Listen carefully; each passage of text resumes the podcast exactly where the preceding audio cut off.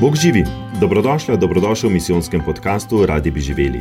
Dobrodelnost je tudi sestavni del posne naveze, ki odpira srce za stisko bližnjega. Smo na poti, kjer preko molitve, dobrodelnosti in posta stopamo proti drži hvaležnosti. V nadaljevanju lahko prisluhnete izseku pogovora s slovenskim škofom Martinom Kmetcem, ki svoje poslanstvo upravlja v Turčiji.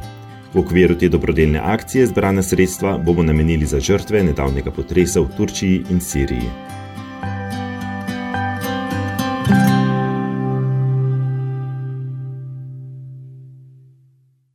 Dobrodošli, gospod Škof, Martin Kmetec.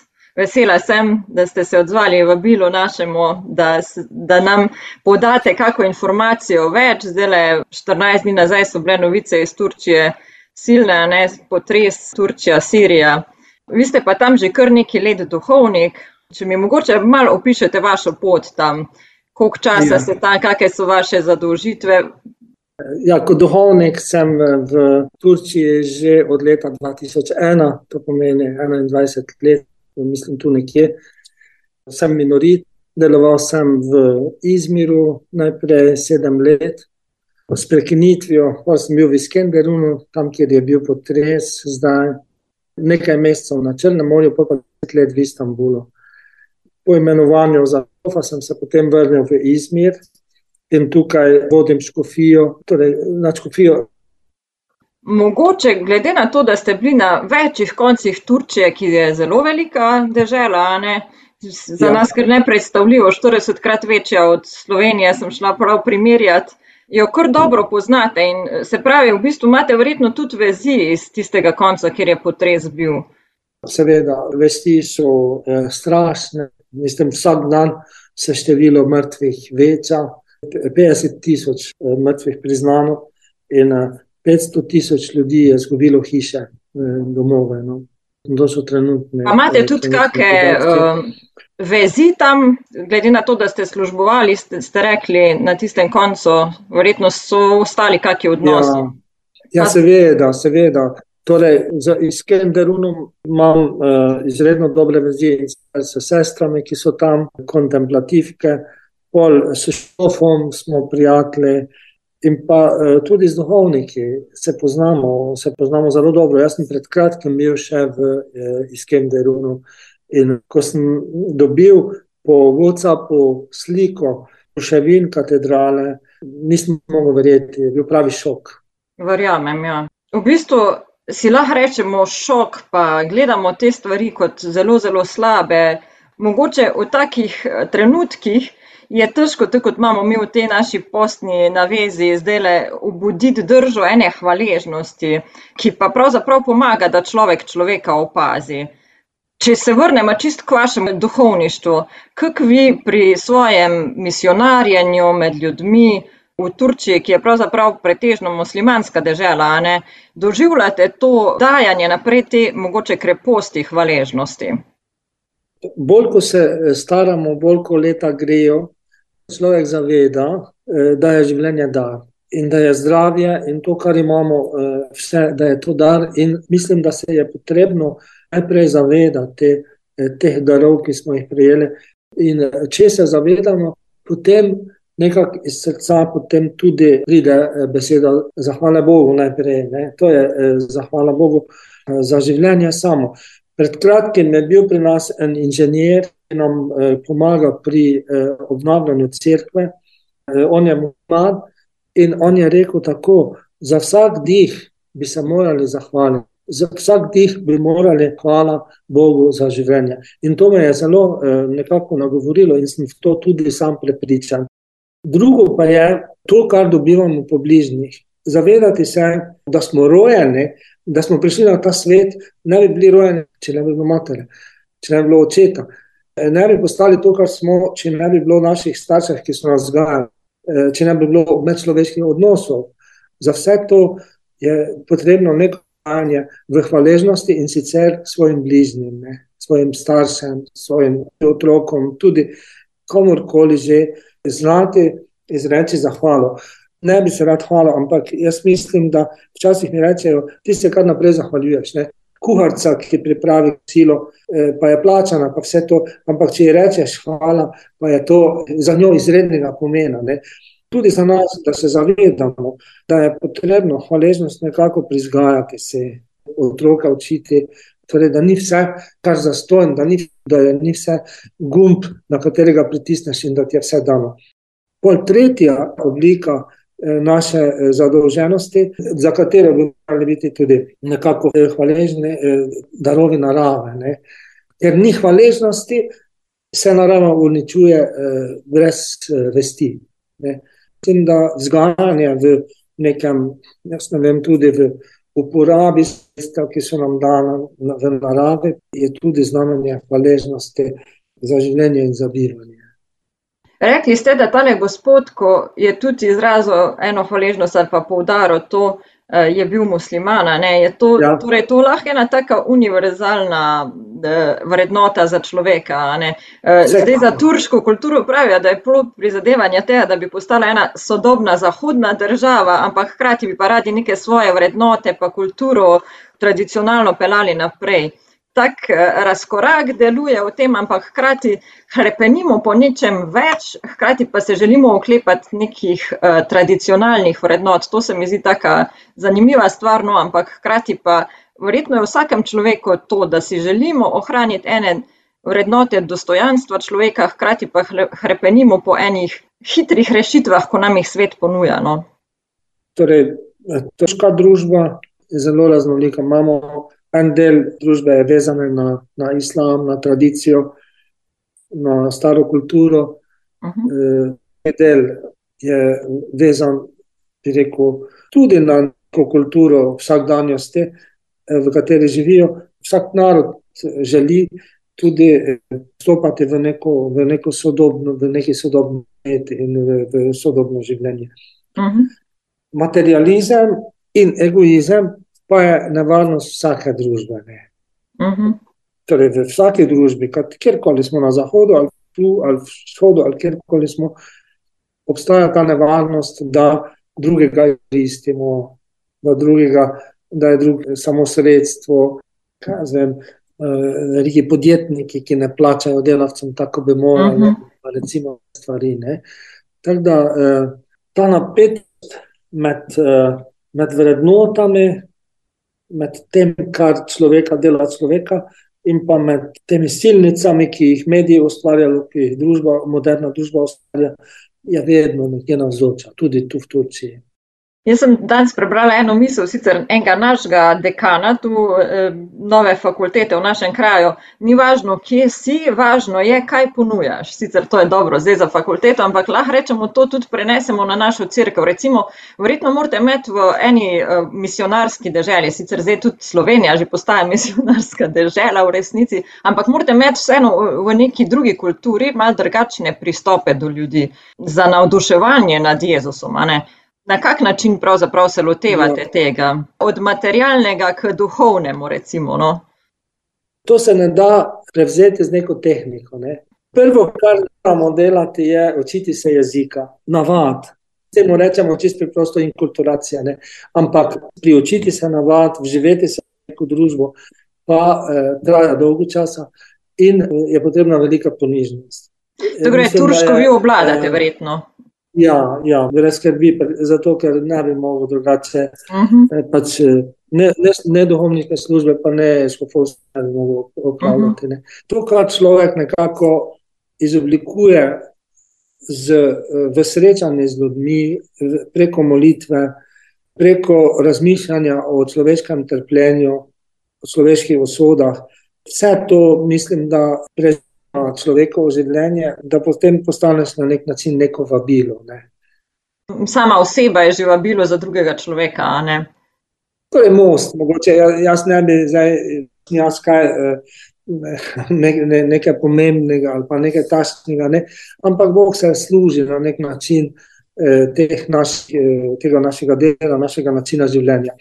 Torej, je pa na drugi jaz... strani verjetno lahko človek tudi provokacija za drugega človeka. Ne? V islamskem svetu vemo, tudi za vas sem si zdaj pogledala, ste bili tudi napadeni nekaj let nazaj, a ne stranjenih skrajnežev ali pa nasilnežev. In take stvari pravzaprav se ne zavedamo tega toliko v eni uh, naši uh, prelepi Sloveniji, kjer ni še takega napadanja, da pravzaprav na teh vaših tleh, se pravi turških tleh oziroma teh krajih je bilo prelito kar nekaj mučeniške krvi. Recimo, vi ste bili zgolj napadeni, lahko bi bilo tudi kaj hujžga, a ne? Tu pa gremo zdaj vprašanje še globlje vprašanje, to pomeni vprašanje vere, vprašanje, koliko sem kot duhovnik ali kot, kot kristjan povezan s Kristusom, koliko me je moja vera, moje življenje z Bogom izoblikovalo. Mislim, da je to nekje eh, odgovor. Torej, svetništvo, mi zdaj imamo, bo praznik svetega Polikarpa 24. ki je zavetnik naše škofije, 23. februarja. In eh, on je močenec, on je bil škof in je eh, dal svoje življenje za, za Kristusa. In eh, imamo eh, vsako leto devetnico, ne imamo premišljevanja in tako naprej. In uh -huh. predvsej včeraj je rekel, pridigar, naš predavatelj, kapucin, je rekel, svetnik ni, eh, ne more biti kopija, ampak je to, kar po naravi in kar je, kar je dal Bogu, da mu je pomagal eh, spremeniti svoje življenje v dobro. Jaz mislim, no, smo vsi na nek način, bi rekel, eh, slabotni in tako naprej kot ljudje, ampak eh, Bog pa deluje, če mu odpremo svoje življenje, svoje srce. Tu ste me zdaj spomnili na tega našega sodobnega svetnika Karlosa Akutisa, ki je tudi eh, prav pesmica, ne, ne bodi fotokopija. Ja. V bistvu moramo služiti Bogu taki, kot smo, oziroma z vsemi svojimi talenti, ne pa kot nekdo drug. Maksimilijan Kolbe je tudi minorit, oziroma ja, minorit, ja. Va, vaš sobrat, da te rečem, ne, je tudi bil. Ja. Um, ne čakati na to, kaj želi svet, ampak uh, ne spreminjati uh, sveta, ampak samega sebe v prvi vrsti. Ne, in je tudi stopil iz ja. tiste vrste, pa dal življenje za tega očeta družinskega. Kaj pa jemljete vi zdaj svojo vlogo, ko ste v tem času, na tem mestu? Ste veseli, da delujete tukaj in zdaj, tam, kjer ste, ali vam je zdaj to kar pretresljivo, preveč naporno, ne vem, glede na to, da v bistvu dežela je velika, stvari so strašne za videti, kako vam je to? Ja, zdaj je res težko, ne? zaradi tega, ker človek ne ve, kako bi najbolj pomagali, lešali to, to trpljenje in to katastrofo. Uh mhm. -huh delamo s Karitasom Turčije, pa na vse načine, eh, da bi te najbolj hude posledice eh, v teh najhujših časih pomagali. V teh časih pomagali. Pol pripravljamo že projekte za naprej. To je zdaj, eh, zdaj neko novo poslanstvo, ne, ni novo, ampak je dodatno breme, ki sem ga dobil kot škov. Drugače pa moram reči, no, da v sebi na moji duhovniški poti nisem imel nikdar nesreč, ne, da nikdar nisem obžaloval. Eh, je res, da te prime včasih eh, žalost, pa stiska, pa da ne veš, kako bi. Eh, ampak moram reči, no, da sem srečen, da sem srečen, ker je tudi vprašanje, kaj je sreča prava. Uh mhm. -huh. In uh, največja želja in največja prošnja v molitvi je, da bi naredil to, kar moram najboljše. Seveda, ja. to si, po mojem, želi vsak izmed nas, ne, da bi bil na tem mestu, kjer je uh, in da vse od sebe. A mogoče, ja. vseeno, vi ste od tega žarišča potresa oddaljeni kar nekaj ur, da rečem, z avtom ali pa ja. kar nekaj kilometrov, kar tisoč, verjetno, no? ne vem, tako približno si predstavljam. Ali 700, ja. Ja, 700, ja. ok. A, ste ta potres eno doživljali, kar kot uh, vas je tudi pretreslo, ali je to bilo malo vseeno, ste gledali oddaleč? Glede na to, da se dotika pač te vaše površine, vaše dežele, ali bi mogoče lahko v tem našli tudi en tak božji poseg, da ste za to lahko hvaležni, kakorkoli se že to kontradiktorno sliši? Jaz potresa, eh, jaz na sinode, ko je bil potres. Aha. Eh, ja, Sem, sem pa doživel potres tu, ker smo ga imeli v oktobru. In je tudi kar dobro streslo. Imamo eno crkve, ki je bila, štiri so bile poškodovane zelo. Tako da posledice tudi 700 km daleč sežejo, ne? Ne, to ni. To ni, to ni A je to od prejšnjega, torej, ok. Hotel, hotel sem samo povedati, da je da je doživel, sem doživel potres in je to res nekaj hudega. Ne. Uh -huh. e, mislim, psihološko strašno čutek, pa tudi ko človek pomisli, kako, kako so ljudje umirani in to, to je zelo težko. Sploh verjetno tudi sama gradnja je tam precej drugačna. Jaz recimo sem potresno na japonskem doživela, tam so stavbe že protipotresno grajene kar dolgo, dolgo časa, medtem ko tu je situacija ja, precej drugačna. Precej drugačna, ja. Hvaležnost, ja, hvaležnost za to, če lahko kaj dobrega naredim. Uh mhm. -huh. Zato, če lahko kaj dobrega naredim, če lahko naredim za te ljudi, hvaležnost za to, da pač eh, se učim tega, uh mhm. -huh. da, se, da, da lahko tudi drugim kaj povem.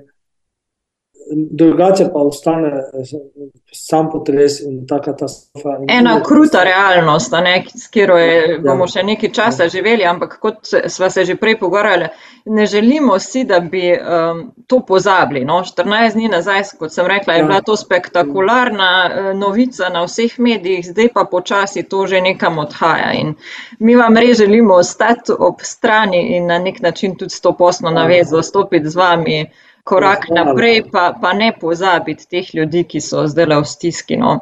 Ja.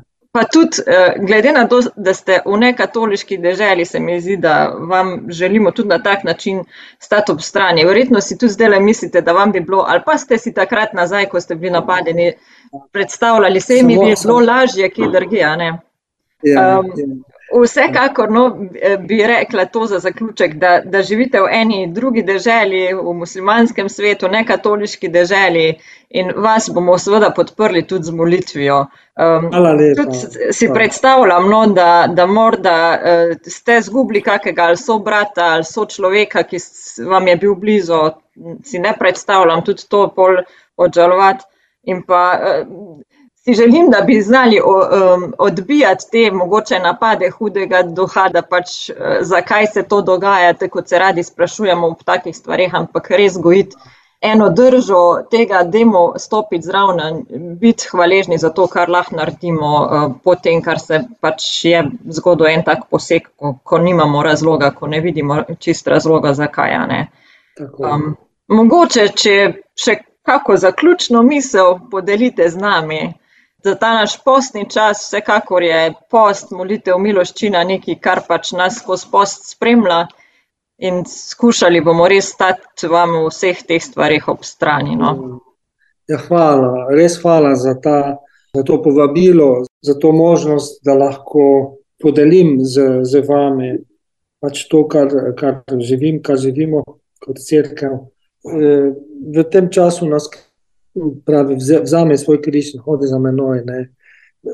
Želim, da vsak izmed nas imel res eh, ta pogum in voljo, da bi sprejel v življenju svoj križ, vemo, kaj so križi, eh, in da bi eh, z vero in zaupanjem Boga hodil za, za Kristusom. Ne. To je pač najbolj osrednjo povabilo postnega časa in tudi naše vere.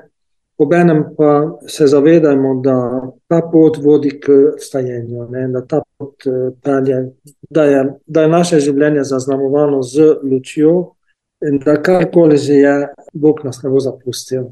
Tako. Super. Najlepša hvala. Vam želimo obilje blagoslova pri vašem delu, pri vaših tudi naporih, zdaj le novih izzivih.